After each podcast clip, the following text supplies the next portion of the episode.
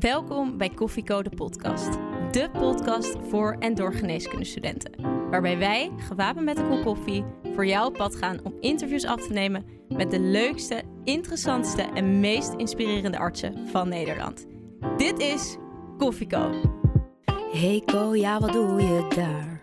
Er staat een carrière voor je klaar. Maar je weet nog niet wat en waar. Een cappuccino maakt het minder zwaar. Dus zet je volumeknop omhoog. Want je luistert Koffieko en je weet het zo. Papa, papa, da. Welkom bij Koffiekoop de podcast, de special. In de special gaan we in gesprek met artsen over vakoverstijgende onderwerpen. Wij zijn Mare. en Nina en vandaag gaan we het hebben over leren op de werkvloer. We gaan het gesprek aan met supervisor en traumachirurg Dr. Patrick Nieboer en onderwijsarts en anios orthopedie Olivier Hofker uit het UMC Groningen. Dr. Nieboer en Dr. Hofker. Helemaal vanuit het hoge noorden. Welkom hier in Utrecht. Gaan jullie wel eens vaker samen op pad?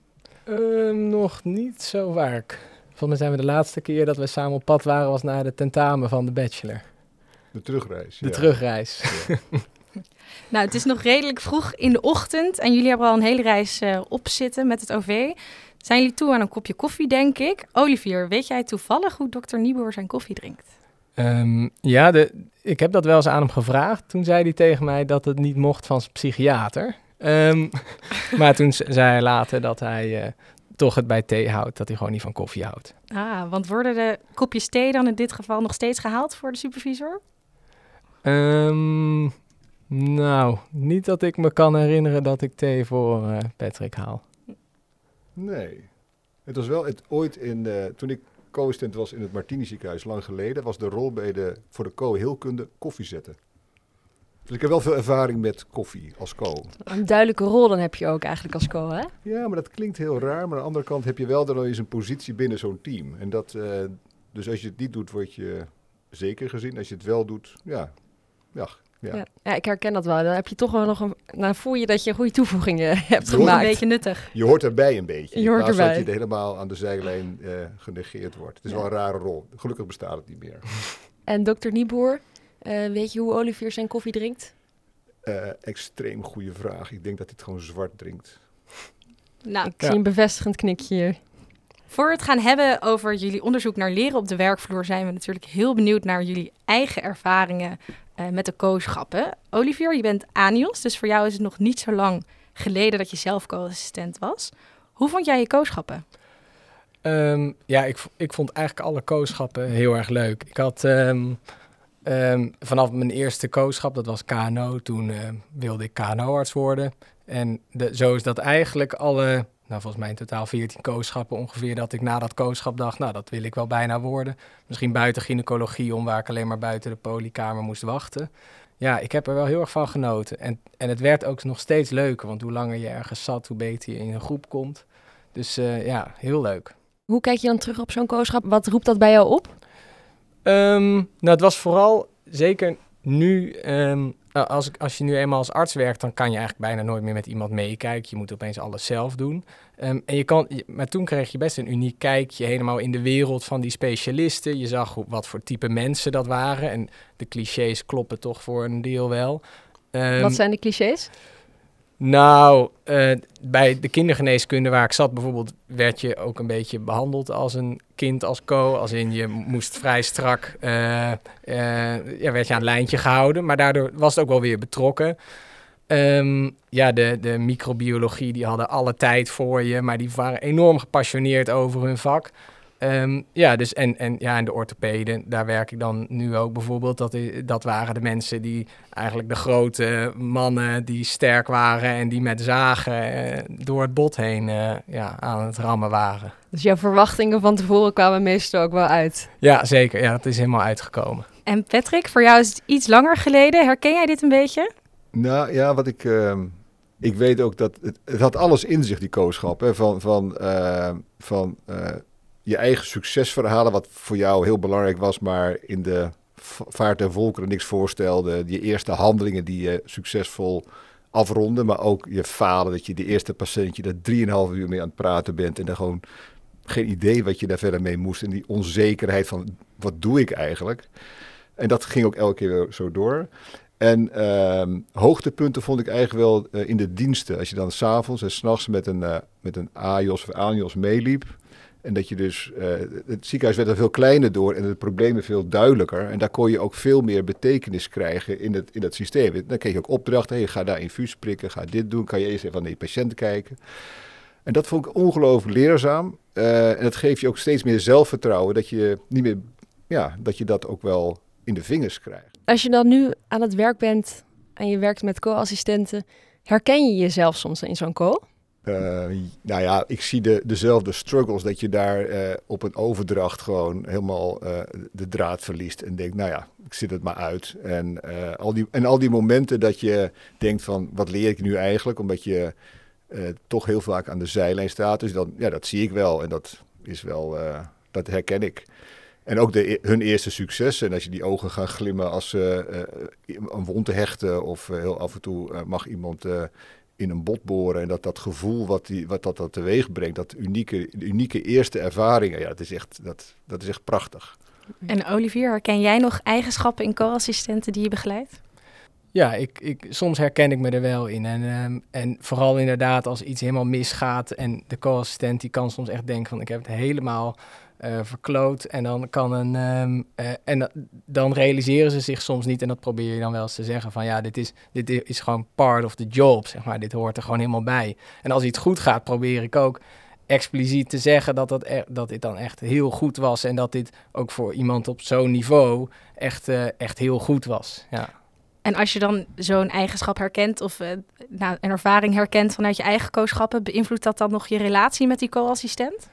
Um, ja, ik denk het, uh, ik denk het wel. Het is sowieso merk je, je hebt natuurlijk gewoon allemaal individuen die allemaal hun eigen persoonlijkheid hebben. En als je jezelf soms herkent in iemand en die doet dingen waarmee jij een beetje, nou ja, toch op hetzelfde niveau over, of in ieder geval op dezelfde manier over kan denken. Ja, dan, dan denk ik wel dat je, dat je ook makkelijker met zo iemand, die ga je misschien ook meer laten doen, omdat je denkt, ik weet dat deze op tijd ingrijpt of, uh, of dat hij in ieder geval ja, precies hetzelfde denkt over dit probleem als ik. Dus uh, ja, dat doe ik wel, ja. En Patrick, je bent uiteindelijk traumachirurg geworden.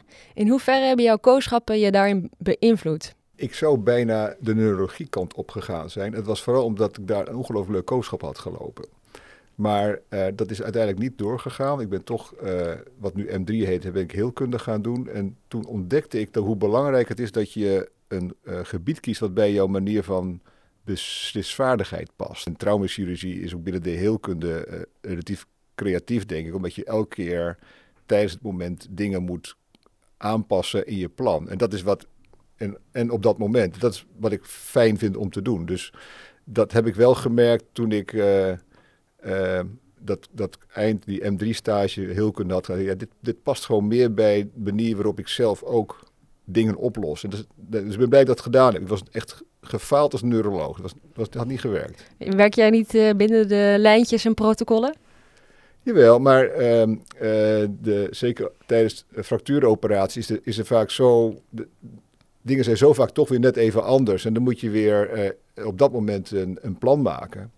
En dat ligt mij gewoon. Iets, iets elke keer op dezelfde manier doen, dat heb ik ook wel gedaan. Maar dat vind ik ongelooflijk ingewikkeld om dat vol te houden. Dat, dat, ja, dat, zo zit ik blijkbaar in elkaar. Dus daarom ben ik blij dat ik dit hier ben uitgestroomd. Dit past echt bij mij. En hoe kan het dan dat je dat kooschap toch zo leuk vond, de neurologie? Ja, ik had een hele leuke neuroloog. Die betrok mij bij allerlei dingen. Ik heb ook mijn, uh, mijn uh, masterscriptje bij hem gedaan. Het was, en ik voelde me daar thuis. Het zijn heel erg die, die sfeerfactoren uh, die bepalen waarom je voor iets kiest. En het is heel belangrijk.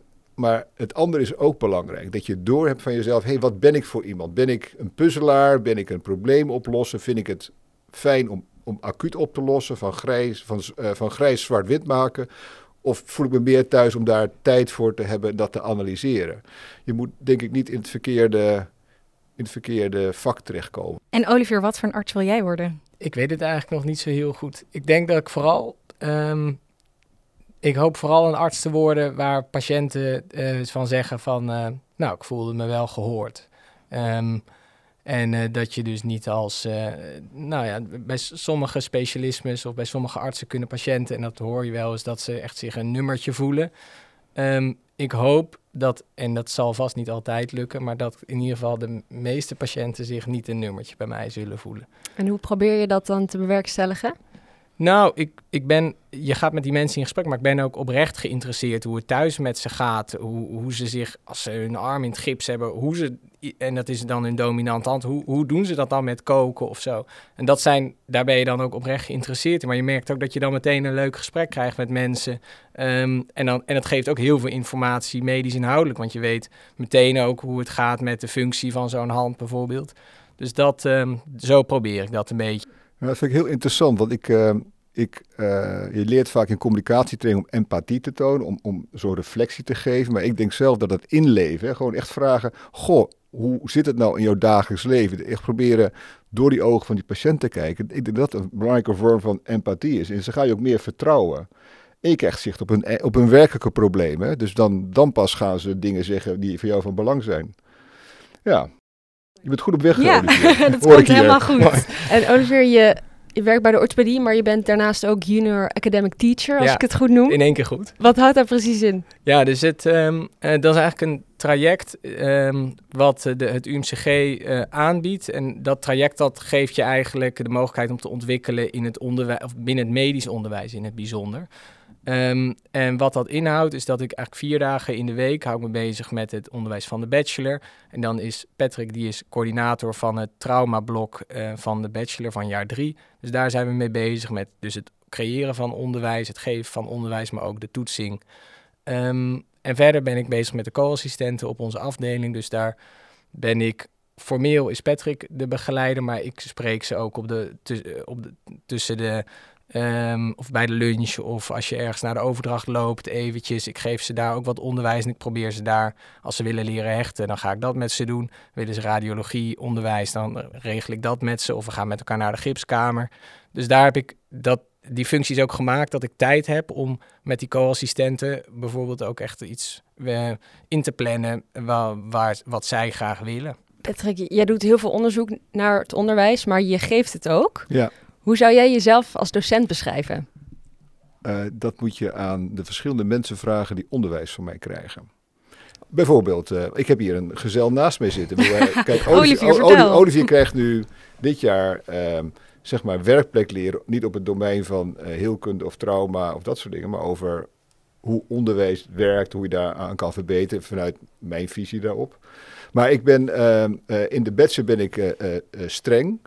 En, uh, en wat ik heel belangrijk vind is dat, um, dat, en dat doe ik met een reden, ik wil gewoon graag dat de mensen die in die collegezaal zitten, dat ik die kan aankijken en dat ze mij kunnen zien. Dus, dus op, die manier hou je hun aandacht vast. En die aandacht, dat, dat is hard werken voor mij, die aandacht wil ik de hele tijd vasthouden, maar dan opeens zijn ze niet meer afgeleid en kan ik ze meenemen in een verhaal. En ik ben geïnteresseerd, uh, niet zozeer in mijn verhaal op zich, maar vooral uh, waar zitten bij bij die studenten nou, wat, wat begrijpen ze niet? Het is, het is ongelooflijk ingewikkeld om door de ogen van de student te kijken. En wij krijgen een inzichtje als wij onze toetsvragen uh, uh, zeg maar opnieuw gaan onderzoeken. Waarom hebben nou studenten voor een bepaald antwoord gekozen? Wat zit er dan in hun hoofd? Het is heel interessant. Dus op die manier krijg je meer informatie. Maar voor de toets wil ik het graag daarvoor al hebben. Dus daarom stel ik vragen. Ja. Vragen zijn eng, uh, al die dingen. Dus ik probeer daar ook een soort format in te vinden dat niet iedereen gelijk uh, uh, uh, helemaal angstig wordt. Maar ik herken dat ook. Ik vond het zelf ook vreselijk als mijn vraag gesteld werd. Maar het is wel de manier. Achterover zitten tijdens een college bij jou is dus niet mogelijk als student. Dat is mogelijk. Maar het Ik heeft zie hier links consequenties. een nee, eh. heeft consequenties.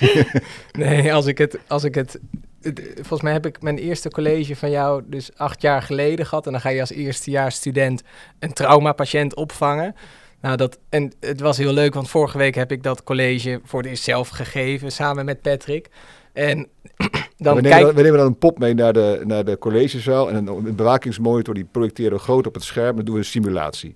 Ja, en dat, was, en dat is heel grappig, want ik zag ook het, ja, de spanning, maar ook een beetje het oncomfortabele van de studenten ook wel. Want ze, ze moeten, ze, eerst, eh, Patrick die bijt wel eens het spits af ook met, ik wil geen telefoons, geen laptops. Alles wat je hier leert, moet je je volle aandacht bij. En dan is wel de toon gezet, denk je. Maar ze zijn daarna wel echt extreem betrokken. En ik zat achter, ik kon die monitor van die patiënten ehm, mocht ik dan een bedienen. Of, eh, en, en, Manipuleren, ja. Ja, precies. Dus manipuleren. Dus dan zet ik de saturatie opeens van 90 naar 80. En dan hoor je de hele zaal zo... "Oh, oh, oh." en de twee mensen die daarvoor dan die traumaopvang deden... die natuurlijk eerstejaars zijn en dat niet kunnen, maar dat weten we ook... Dat, eh, die waren niet eens daarmee bezig met die hele monitor. Die waren alleen maar bezig met eh, nou, een soort kortsluiting. Overleven waren ze. Ja, Zij waren het overleven, overleven. ja. Dat, en dat, was, ja, dat is echt heel grappig. Maar ik denk wel dat, eh, ik denk wel dat eh, streng maar rechtvaardig wel jouw onderwijsstijl Stijl, stijl is. Ja. Dus maar, als maar het is wel heel spannend voor die studenten. Ik realiseer me, het is heel spannend voor die studenten. We proberen het ook natuurlijk van tevoren met de zaal over te praten. We zeggen ook, die twee die hier staan, dat, dat is onderdeel van jullie collectieve brein. Jullie zijn allemaal verantwoordelijk voor hoe het met die patiënt gaat. En aan het eind hebben we dit jaar hebben ze een taart gegeven, die vrijwilligers. Dat was als stimulans. Maar achteraf zie je dat die mensen er ook plezier in hebben, ook al falen ze. Maar het is zo belangrijk, want dan opeens zien ze wat ze nog niet weten. En wij doen het daarna die traumaopvang voor. En dan, dan, dan laten we ze reflecteren. Dan zeggen ze, ja, oh nee, nu zien we opeens hoe dat werkt. Of hoe geautomatiseerd dat is. Ik zeg, ja, het lijkt heel simpel dan. Maar dat is het dus niet, want dat heb je ook gezien. Dus dat moet je nog leren. En dat is zeg maar... Blijft wel hangen. Ja, en ook dat, dat is de manier waarop we dat onderwijs proberen vorm te geven. Maar dat zijn studenten. En je doet nu onderzoek naar ja, leren of Ja. ja. onderwijs. Ja, Ben je dan, nu je meer weet daarover, veranderd van jouw lesgeven? bacheloronderwijs is zeg maar het, het, het, het, het klassikale leren, maar ik ben vooral geïnteresseerd in werkplek leren, want daar gebeurt het echt. En eh, ik was er altijd al in geïnteresseerd, de manier waarop we AJOS'en begeleiden. En wat ik enorme moeite mee had was, hoe moest je beoordelingen doen? Hoe kan ik nou iemand beoordelen op samenwerking bijvoorbeeld? Ik, geen idee. Wat is dan de norm? En, en trainen we ze daarin? Of tijdens een operatie, eh, heeft voldoende operatieve vaardigheden? Hoe, ik vond het zo ingewikkeld. Ja. Nou, maar ingewikkeld, want wat, ehm, ik zie wel dat mensen kunnen functioneren of minder goed functioneren. En, en hoe dat elke keer zo plaatsvindt. Nou, in ieder geval had ik altijd veel interesse in. Ik had mijn eigen scoringssysteem bedacht. En toen had ik opeens tijd om eh, eh, onderzoek te gaan doen naar onderwijs. Op de operatiekamer heb ik drie GoPro's gekocht, op hoofden geplakt. Toen had ik filmbeelden. En toen dacht ik, wat nu? Want ik kan helemaal niet filmbeelden analyseren. Ik heb er geen gereedschap voor. Toen kwam ik in contact met een eh, hoogleraar taal en sociale interactie. Hij is intussen hoogleraar.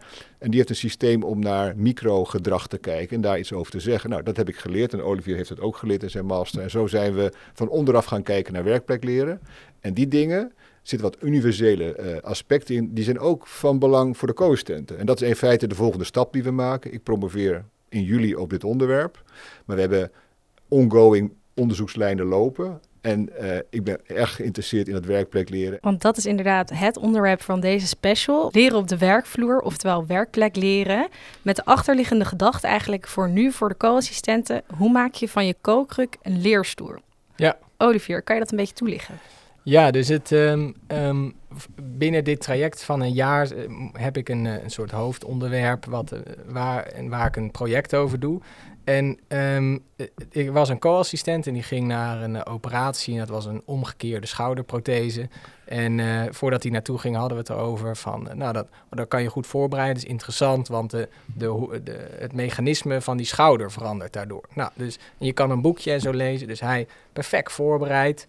Ehm, en eh een dag later, toen was hij naar de operatie geweest, toen vroeg ik, eh, hoe ging het? Was het leuk? Hij zei, ja, het was een beetje, eh, was een beetje gek, want ik, had, ehm, eh, ik wist het helemaal precies. Dus ik ging naar die supervisor en ik legde helemaal uit hoe met die schouderprothese de krachten veranderen en waarom dat dan voor deze patiënt is, goed is. En het enige wat ik terugkrijg was, oké. En toen, en dat was het. En, eh, en het was, eh, het begreep gewoon niet waarom dat zo, daar zo fout ging. Want hij had, hij had goed voorbereid, zeg maar alle elementen om een, om een goede operatie te, nou, als co mee te maken waren er. Maar kennelijk liep het helemaal fout. En dat, dat zette ons aan het denken van, hoe werkt dat le- werkplek leren voor co-assistenten nou eigenlijk? Want Patrick, kan je misschien aan ons en de luisteraars vertellen wat hier dan bijvoorbeeld misging?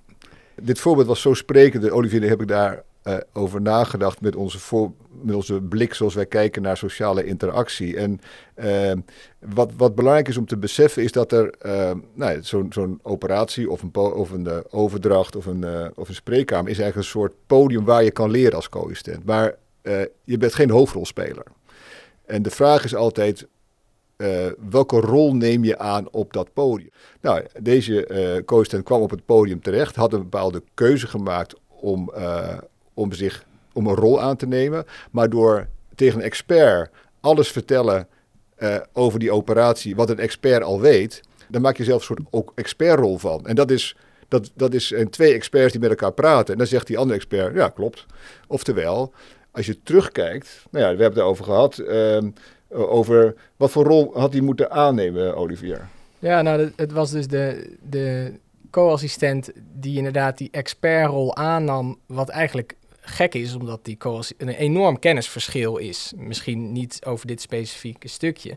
En de rol van ja, leerling, of in ieder geval, dat, dat, je, dat is eigenlijk de rol die je wil aannemen als co-assistent. Want je wil namelijk dat wat jij weet, um, dat, je nog, dat je daar nog meer over krijgt te weten. En niet alleen dat je weet dat jouw supervisor um, weet wat jij weet. Ja, Want dat, was het doel eigenlijk van deze co-assistent, om meer informatie te krijgen. Nou, dat, dat is ook als ik naar mezelf kijk en je bereidt iets voor, dan bereid je iets voor om een bepaalde basis te leggen. En daarna um, uh, geeft dat handvatten voor de supervisor om weer uh, daar jou meer informatie over te geven. het idee is dus, er is geen leergesprek heeft plaatsgevonden tussen die co-assistent en die supervisor. Er was, geen, er was een gesprek tussen experts. En de, en de vraag die je zelf kan stellen is, wat moet een co-assistent nu doen om die supervisor uit die expertrol in een docentenrol te krijgen. Dus, dus dan maak je opeens onderdeel uit van het script van dat toneelstuk wat jullie opvoeren. En daar gaat jullie onderzoek over? Wij kijken van onderaf aan welk microgedrag kan je nu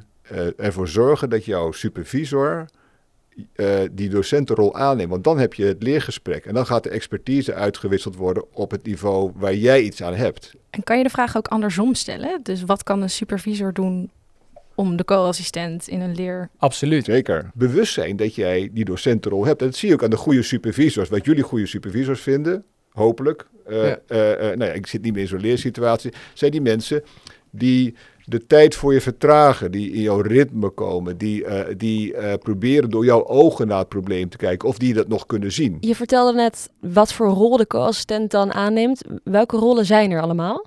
het gaat ook om eh, ben je een toeschouwer, dus leer je alleen maar door toe te kijken, of leer je door actief deel te nemen. En voor het actief deelnemen, als je niet wordt uitgenodigd, moet je zelf wat doen. En het, de, de, de realiteit is dat je meestal niet wordt uitgenodigd. Soms wel, maar heel vaak niet. En dan is de vraag, wat dan? Ik bedoel, uh, misschien moet ik hier toch ook mijn uh, zelfpassieve rol hier delen. Mijn slechtste voorbeeld uit mijn co-tijd. Ga ik toch doen. er was op een gegeven moment een spreekuur. Ik zat daar uh, naast de verwarming op een kruk op de, op de leerkruk. En nou, ik volgde zo'n spreekuur van de zijlijn. En op een gegeven moment hoorde ik de specialist zeggen... Ah, hij is in slaap gevallen. En toen deed ik mijn ogen open. Oh, nee. En toen zag ik de hoofd van de supervisor en de patiënt echt op, op 30 centimeter van mijzelf. En uh, ah, wat lief. maar ik was dus zo aan de zijlijn. Ik zat zo deed helemaal weg, niet weggezonken. Ik deed niet mee, maar ik had zelf ook geen actie ondernomen. Om, ik wist of dat toen ook actief iets kon doen. Ja, dus dat was wel een, uh, de meest uh, serieuze niet-deelneem-ervaring die er is punt is dat je, uh, dat overkomt natuurlijk, dat kan je overkomen. Dat is natuurlijk de hele tijd zo. Maar uh, het zet je wel aan het denken hoe je, hoe je er meer uit kan halen. Ik heb ook ervaren hoe vaak je er zo weinig uit kan halen, omdat je er niet tussen komt. Of omdat je niet het gereedschap hebt om er tussen te komen. Eigenlijk gaat het dus een beetje over bewustwording van je gedrag. Heel zowel erg, als co-assistent ja. en als arts. Ja. Maar hoe doe je dat? Hoe word je bewust van je gedrag? Kan je heel erg bewust worden door, door uh, sociale interactie werkt altijd welke rol je aanneemt. Eh, dat bepaalt voor een groot deel hoe die ander op jou reageert en omgekeerd. Dus jij beïnvloedt die ander met hoe jij je opstelt. Nou, net zoals we hier in een soort interviewsituatie zitten. Dat is, die rollen liggen vast en jullie zijn de interviewers en, ik beantwoord jullie vragen. En dus die, die bewustzijn dat je dus een rol kan aannemen en daarmee de ander kan beïnvloeden. En welk gereedschap daar dan bij hoort, dat is denk ik iets wat we kunnen leren aan co-assistent. Dat is niet zozeer wat je leert, maar hoe krijg je dat leergesprek op gang. Het gaat over hoe je leert. Ik denk dat dat is uh, waar we mensen op kunnen trainen. En uh, dat gedrag is, is, we doen het al heel erg, maar heel erg, dat is een soort wereld die je niet ziet, omdat het zo vanzelfsprekend is. Uh, en dat, dat, dat is eigenlijk wat Olivier en, en, wij met ons onderzoek doen. Wij maken dat hele impliciet, of zeg maar dat, dat vanzelfsprekende gedrag, wat je gewoon niet meer bewust bent.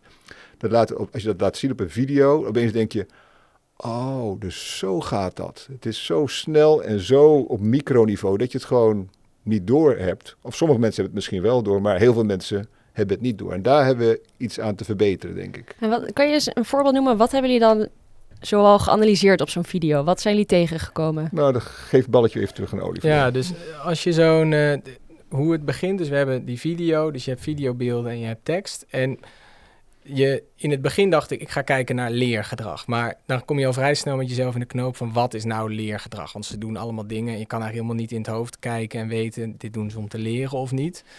Um, Wisten zij van tevoren dat ze werden gefilmd? Ja, dus, ja, dus ze geven daar toestemming voor en, um, uh, en ze hebben ook een GoPro op hun hoofd. Okay. Ja, ja, ze, nee, nee. dat is niet met En de supervisor heeft ook zo'n ding op zijn hoofd, ja. dus uh, ze hebben het wel door, denk ja. ik. Nee, en, het, um, het, en dus zoals wij ernaar zijn gaan kijken is van wat gebeurt er nou gewoon? Wat is gewoon alle interactie die daar gebeurt? Dan heb je de kant van de supervisor en wat die allemaal zegt en de kant van de uh, arts in opleiding, van de leerling daar en wat die allemaal zegt. Wat we zagen is, zijn vier basale categorieën waarop ja. uh, een leerling hulp vraagt. Nou ja, wat, je, wat we zagen aan die AIOS is dat ze uh, op een gegeven moment liepen ze vast en dan vragen ze bijvoorbeeld, nou, wat denk jij? En daarmee geven ze eigenlijk aan, hey, mijn expertise is op dit moment helemaal tekort. Ik heb de maximale docentrol voor je nodig om die expertise aan te vullen. En hij krijgt dan daardoor een, uh, uh, die expertise overgedragen. Maar hij betaalt er een prijs voor, of zij, namelijk uh, door die vraag te stellen, zegt, denkt de supervisor, oh ja, dat weet diegene nog niet. Want we, oordelen en interpreteren is iets wat in onze tweede natuur zit. Doen we altijd. Dus alles is, al het gedrag heeft iets te maken met hoe je over die ander denkt en omgekeerd. Nou um, je kan ook zeggen, als je, het, uh, als je er wel iets van weet, kan je ook zeggen, hey, ik denk dat ik dit moet doen, mee eens. Dat, dat mee eens, dat laat in ieder geval, dat geeft ruimte voor een reactie van een supervisor, dat je niet vraagt... Um, uh, dat je niet een enorm uitgebreid antwoord vraagt, maar gewoon alleen een ja of een nee. Dus dat is toch een, dat geeft het kennelijk weer dat jij een controlepunt uh, of dat jij iets ziet of iets gebeurt en dat je wil dat je supervisor, dat je die actief betrekt en dat je een ja of een nee ook eigenlijk wil. Um, en dat geeft dus, dat heeft al ten opzichte van de wat denk jij, hou je al veel meer uh, eigenlijk de, de, de macht bij jezelf. En daardoor geeft die AIOS dus het idee van, hé, hey, ik weet er al heel veel van, ik heb het laatste zetje nodig. En zo had die co-assistent waar wij het over hadden ook kunnen zeggen, hé, hey, dit weet ik al, wat denk jij wat er nog is? Dan kan je beter je, je, je leervraag formuleren. Maar het gaat, die AIOS hebben het helemaal niet door dat ze dit doen. Hè? Dus dat is heel onbewust, onbewust ja. gedrag. Maar nu we het onbewuste bewust hebben gemaakt, kan je daarmee spelen. Je kan je bijvoorbeeld voorstellen, als jij als co-assistent niks vraagt, gebeurt er niks. Maar als je elke keer vraagt van, ik snap het niet, ik snap het niet, ik snap het niet. Dan krijg je wel informatie, maar op een gegeven moment denkt jouw supervisor... Mm, weinig vooruitgang. Dus je, je, uh, je, je, als je doorhebt wat, voor, wat je met je vraag teweeg brengt en wat je ermee kan winnen en verliezen en dat strategische gaat toepassen, ja, dan ben je effectiever aan het leren. Ja. En wat ik ook wel interessant vind, waar ik nu over na zit te denken, als co-assistent wil je natuurlijk leren, maar je wil ook gewoon een goede indruk achterlaten. Dus soms stel je een vraag niet omdat je het antwoord wil weten, maar omdat je gewoon wil laten zien dat je interesse hebt, om ja, zo maar te ja, zien. Ja, ja, heel belangrijk, ja. Ja, hoe, hoe, hoe kijken jullie daarnaar dan?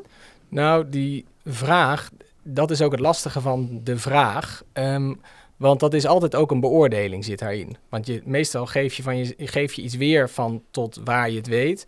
En je hoopt maar dat je genoeg weet voor wat de ander vindt dat je moet weten. En dat je, daar, dat je dan een goede vraag stelt. Maar als jij zes weken bij je kooschap orthopedie zit en je vraagt op de laatste dag...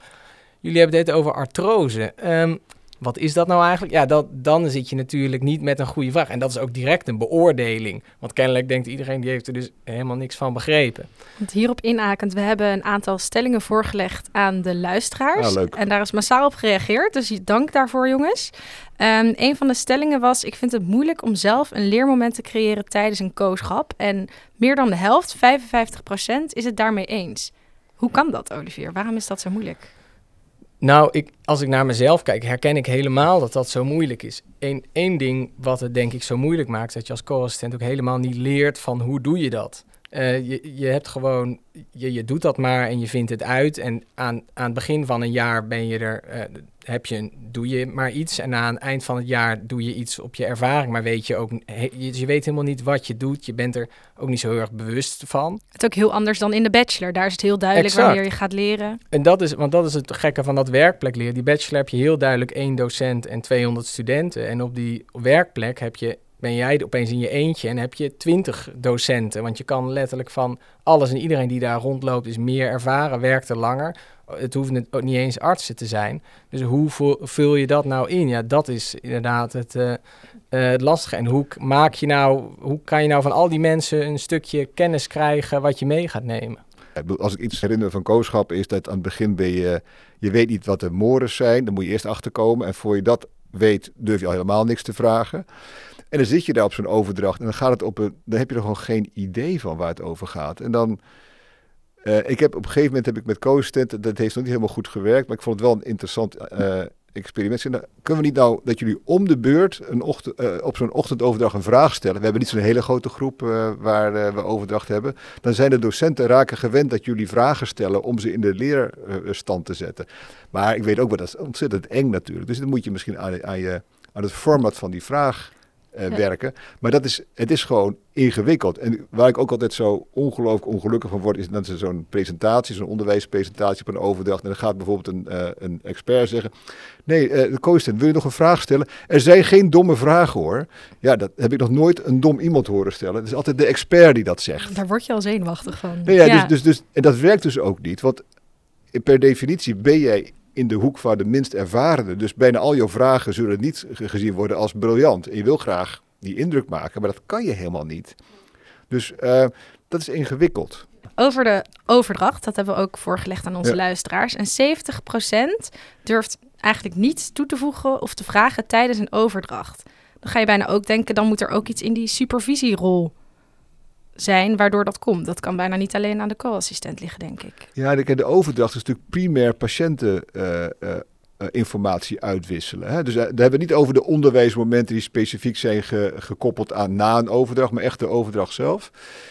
Ja, daar zitten mensen op expertniveau met elkaar te discussiëren. En die, hebben, die zitten vaak een probleem op te lossen wat ontstaan is of te reflecteren daarop. Dus dat is het primaire doel ook. Dus, eh, en de, de, de docent-minded supervisors, die gaan wel die brug slaan. Maar je hebt best heel veel docenten die, die eh, nou ja, ik noem het een beetje, zoals, je hebt mansplaining, maar je hebt ook doktersplaining. De meeste dokters vinden het fijn om te vertellen wat ze allemaal weten. Dus ja, je kan ze best proberen om in die stand te krijgen. Maar dus die groep is interessant voor jou als co-assistent. Ja, die moet je dan zover zien te krijgen. Maar dan moet je dus wel iets durven. Namelijk je vinger opsteken en iets vragen wat ingewikkeld is. En als we dan even het hebben over jou eh, in die overdracht. Hoe, wat zou je ervan vinden dan als zo'n co actief meedoet met een overdracht?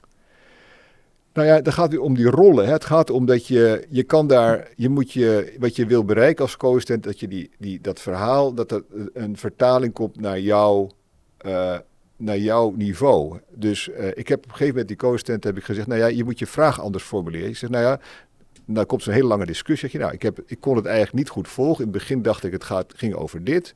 Maar wat moet ik nu als co-assistent van dit verhaal onthouden? Als je, zo'n vraag is behoorlijk neutraal. Je geeft namelijk heel weinig weg over wat je niet weet. Maar wel dat je graag iets wil leren. En dat is, een, dat is eigenlijk een vraag die je best goed zou kunnen stellen. Daar verlies je weinig eh, gezicht mee. Want je, je, dat is ook een hele neutrale vraag. En, maar door die vraag te stellen, daarmee eh, zorg ervoor dat jouw docent gewoon, of jouw supervisor, gaat jou iets uitleggen. Dat, dat, dat wordt nooit geweigerd. En ik ben ook wel benieuwd, Oliver, jij bent eigenlijk nog niet zo heel lang geleden co-assistent geweest. Nu sta je dan aan de andere kant. Hoe, eh, hoe is dat? Ja, dat is wel leuk. Ehm, en het, de eerste, eh, want ik zie heel erg wat, wat er bij de co-assistenten leeft. En dat is echt extreem herkenbaar voor het grootste gedeelte. En bijvoorbeeld ook, want ik las natuurlijk ook gewoon het verslag van de radioloog voor. Want ik had zoveel stress, want ik moest met twintig chirurgen die allemaal kritisch waren. En ik wist, ik weet het minst, maar ik moet hun iets gaan vertellen. Dat, dat, dat ging totaal niet, was dat niet logisch voor mij. Want ik dacht, waarom moet ik dat nou eigenlijk doen? En ik zag dat dus ook niet eh, per se als een leermoment, maar meer als ik doe een soort werkje voor hun waarbij ik kijk of het HB wordt geprikt. Hoop in ieder geval bij de co-assistent die bij ons zit... een beetje bewustwording te creëren dat wij ook een reden hebben waarom we dat voor hun doen. Ehm, en voor hun doen is, klinkt dan misschien wel heel heroïs, maar dat we in ieder geval, wij hebben een idee daarbij waar zij, zij wat van kunnen leren. En dat is bijvoorbeeld bij zo'n overdracht. Als je misschien weet dat wij het ook goed vinden dat zij uh, bij een röntgenfoto niet meteen alles zien, want dat weten we dat ze dat niet kunnen, dan, um, dan geeft dat misschien een beetje ruimte om ook eens er een vraag over te stellen. Ja, en ik uh, hoor ook veel ANIOS die net zijn begonnen, die nou, hebben een nieuwe baan waar heel veel bij komt kijken. En die geven aan, ik vind het heel lastig om die co-assistenten nog erbij te begeleiden. Ja. Heb je een tip voor hun?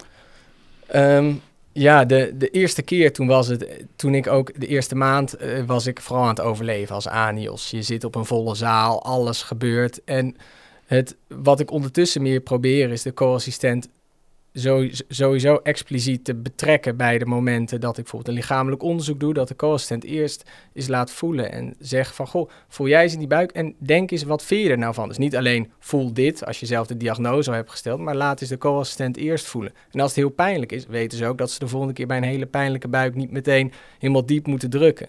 Um, en zo soms, en je hebt altijd wel een beetje tijd om dat erin te lassen. Dus dat is denk ik voor de ANIOS, laat die co-assistent um, vooral iets doen. Um, want daar leren ze van. Dan gaan ze ook reflecteren bij zichzelf van oké, dit werkte kennelijk niet. En dan kan je daarop voorborduren als co-assistent. We hebben een uh, wat als vraag voor jullie bedacht. Patrick, ik stel hem eerst aan jou. Wat zouden jullie veranderen als je het geneeskundecurriculum mocht aanpassen? Ik, ik vind dat, dat de, de bachelor heel matig voorbereidt op de master. De master is de grote transitie.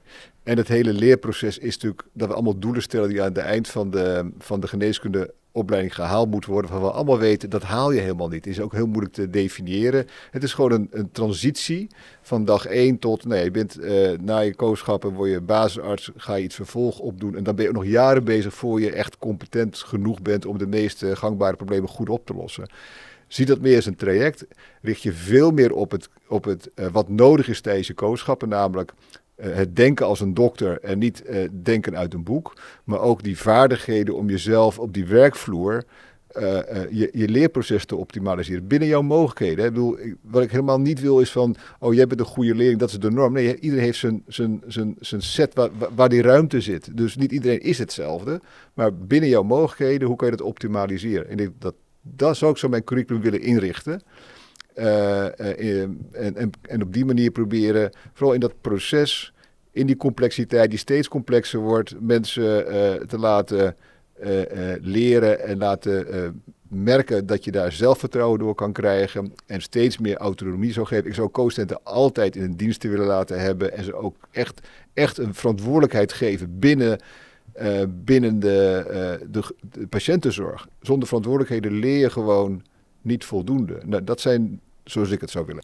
En Olivier, zou jij nog dingen willen aanpassen aan het curriculum of sluit je hierbij aan? Nee, daar sluit ik me wel bij aan. Ja, we hebben het vaak over gehad en ik denk dat ik eerst had ik er niet echt een mening over. En ondertussen denk ik dat inderdaad het, het leren uit een boek, wat je leert in de bachelor, met gewoon 15 ziektes en die lijken eigenlijk allemaal hetzelfde voor je. Uh, niet aansluit bij de realiteit. Uh, bij een college van vorige week vroegen we ook van wat, wat is de meest voorkomende diagnose op de spoedeisende hulp uh, bij een pijnlijke buik. En dat is bijvoorbeeld een appendicitis. Maar dat staat niet heel duidelijk in dat leerboek. En dat komt in ieder geval niet naar voren voor die student. Want daar werd het al een beetje wazig. En, dan, nou ja, en, en meer dan dat, terwijl dat is wat je als arts heel erg laat bewegen om toch die echo te doen of toch een CRP. Ook al denk je er misschien niet zo aan. Je weet dat veel voorkomt. Dus meer praktijkgericht leren eigenlijk. Ja, precies. Ja, door, door, de ogen van die dokter leren kijken, van zo vroeg mogelijk. En eh, echt met basale problemen beginnen, dat je denkt, oh, dat is de beslisregel. In de boeken staan gewoon geen beslisregels. En doen, wij doen niets anders dan besluiten nemen op microniveau. Nee, nee, je hebt die beslisregels. Een vaatchirurg in het Martini ziekenhuis zei... als je denkt aan mesteriaal ischemie moet je scannen. Ja, die beslisregel staat niet in je boek. Nu, als, omdat hij dat zei, ging ik heel veel eraan denken en moest ik eigenlijk van hem alles scannen, wat natuurlijk niet gebeurde. Maar het is, dat zijn wel van die beslisregels die je denkt van oké, hm, kan ik het uitsluiten? Nee. En dan moet je dus gaan scannen, terwijl je denkt er helemaal niet het meest aan. Maar als je het mist, ja, dan heb je echt een probleem. Patrick, met de kennis van jouw onderzoek, of jullie onderzoek op de achtergrond, wat zou jij de jonge dokters willen meegeven? Ehm, ja, ik had eigenlijk... eh, ja, ik had iets interactioneels bedacht weer. Ik bedoel, een van de dingen wat ik eh, ook in de... Ik heb in de best heb ik een soort eh, voorbereiding, een workshopje over... Over hoe je moet staande houden tijdens je kooschappen. En ik doe een soort oefeningetje en dan laat ik ze een foto beschrijven. En eh, bijna alle studenten en co-studenten die geven het antwoord, ook al weten die op een vragende manier.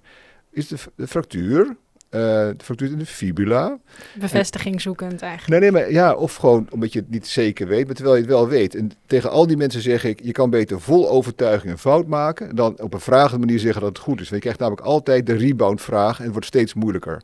Dus denk aan die micro-interacties. Vol overtuiging eh, fout is beter dan eh vragende wijs goed, want je zinkt alleen maar diep in het moeras van de vraagsteller, van de supervisor. En Olivier, heb jij nog een tip? Ehm, nou, ik, wat, wat, wat mij, de- mij deed realiseren toen ik langer kooschappen liep en langer binnen groepen bleef, is dat je supervisors en je ANIOS en AIOS, dat zijn uiteindelijk allemaal gewoon mensen met hun eigen leven, hun eigen eh, rugtasje met eh, ervaringen. Als jij soms feedback krijgt waarvan je denkt, ik, kan me hier totaal niet in vinden, dan kan het soms ook wel helpen om je in ieder geval te verplaatsen in die persoon. En wat, want wat maakt nou kennelijk die persoon dat die dit zo extreem belangrijk vindt? Want ik had dan, ik maakte soms een typfoutje en één iemand die sprak me daar elke keer op aan. Ik dacht, wat is, wat is dat nou? Ja, en eigenlijk, dat heb ik niet gedaan, maar eigenlijk zou je dat eens moeten vragen. Of, of iemand die altijd zegt, je moet altijd daarop drukken bij het onderzoek van de knie. En de rest zegt dat niet. Dan denk je, ja, dus kennelijk is er iets gebeurd bij die persoon. eh, dat het ehm, wat hem heeft, eh, wat hij meeneemt. Ik denk dus, eh, dus die artsen, al jouw supervisors zijn ook gewoon mensen. Die hebben gewoon, die hebben ook een gezin, die hebben hobby's, die, en die hebben ook beweegredenen, net als dat jij die gaat krijgen, eh, waarom ze feedback geven. Nou, dokter Nieboer, dokter Hofker, hartelijk bedankt voor jullie komst en voor jullie interessante verhaal en handige, bruikbare tips. En lieve luisteraars, jullie ook weer bedankt voor het luisteren en tot de volgende keer bij Koffiecode Podcast.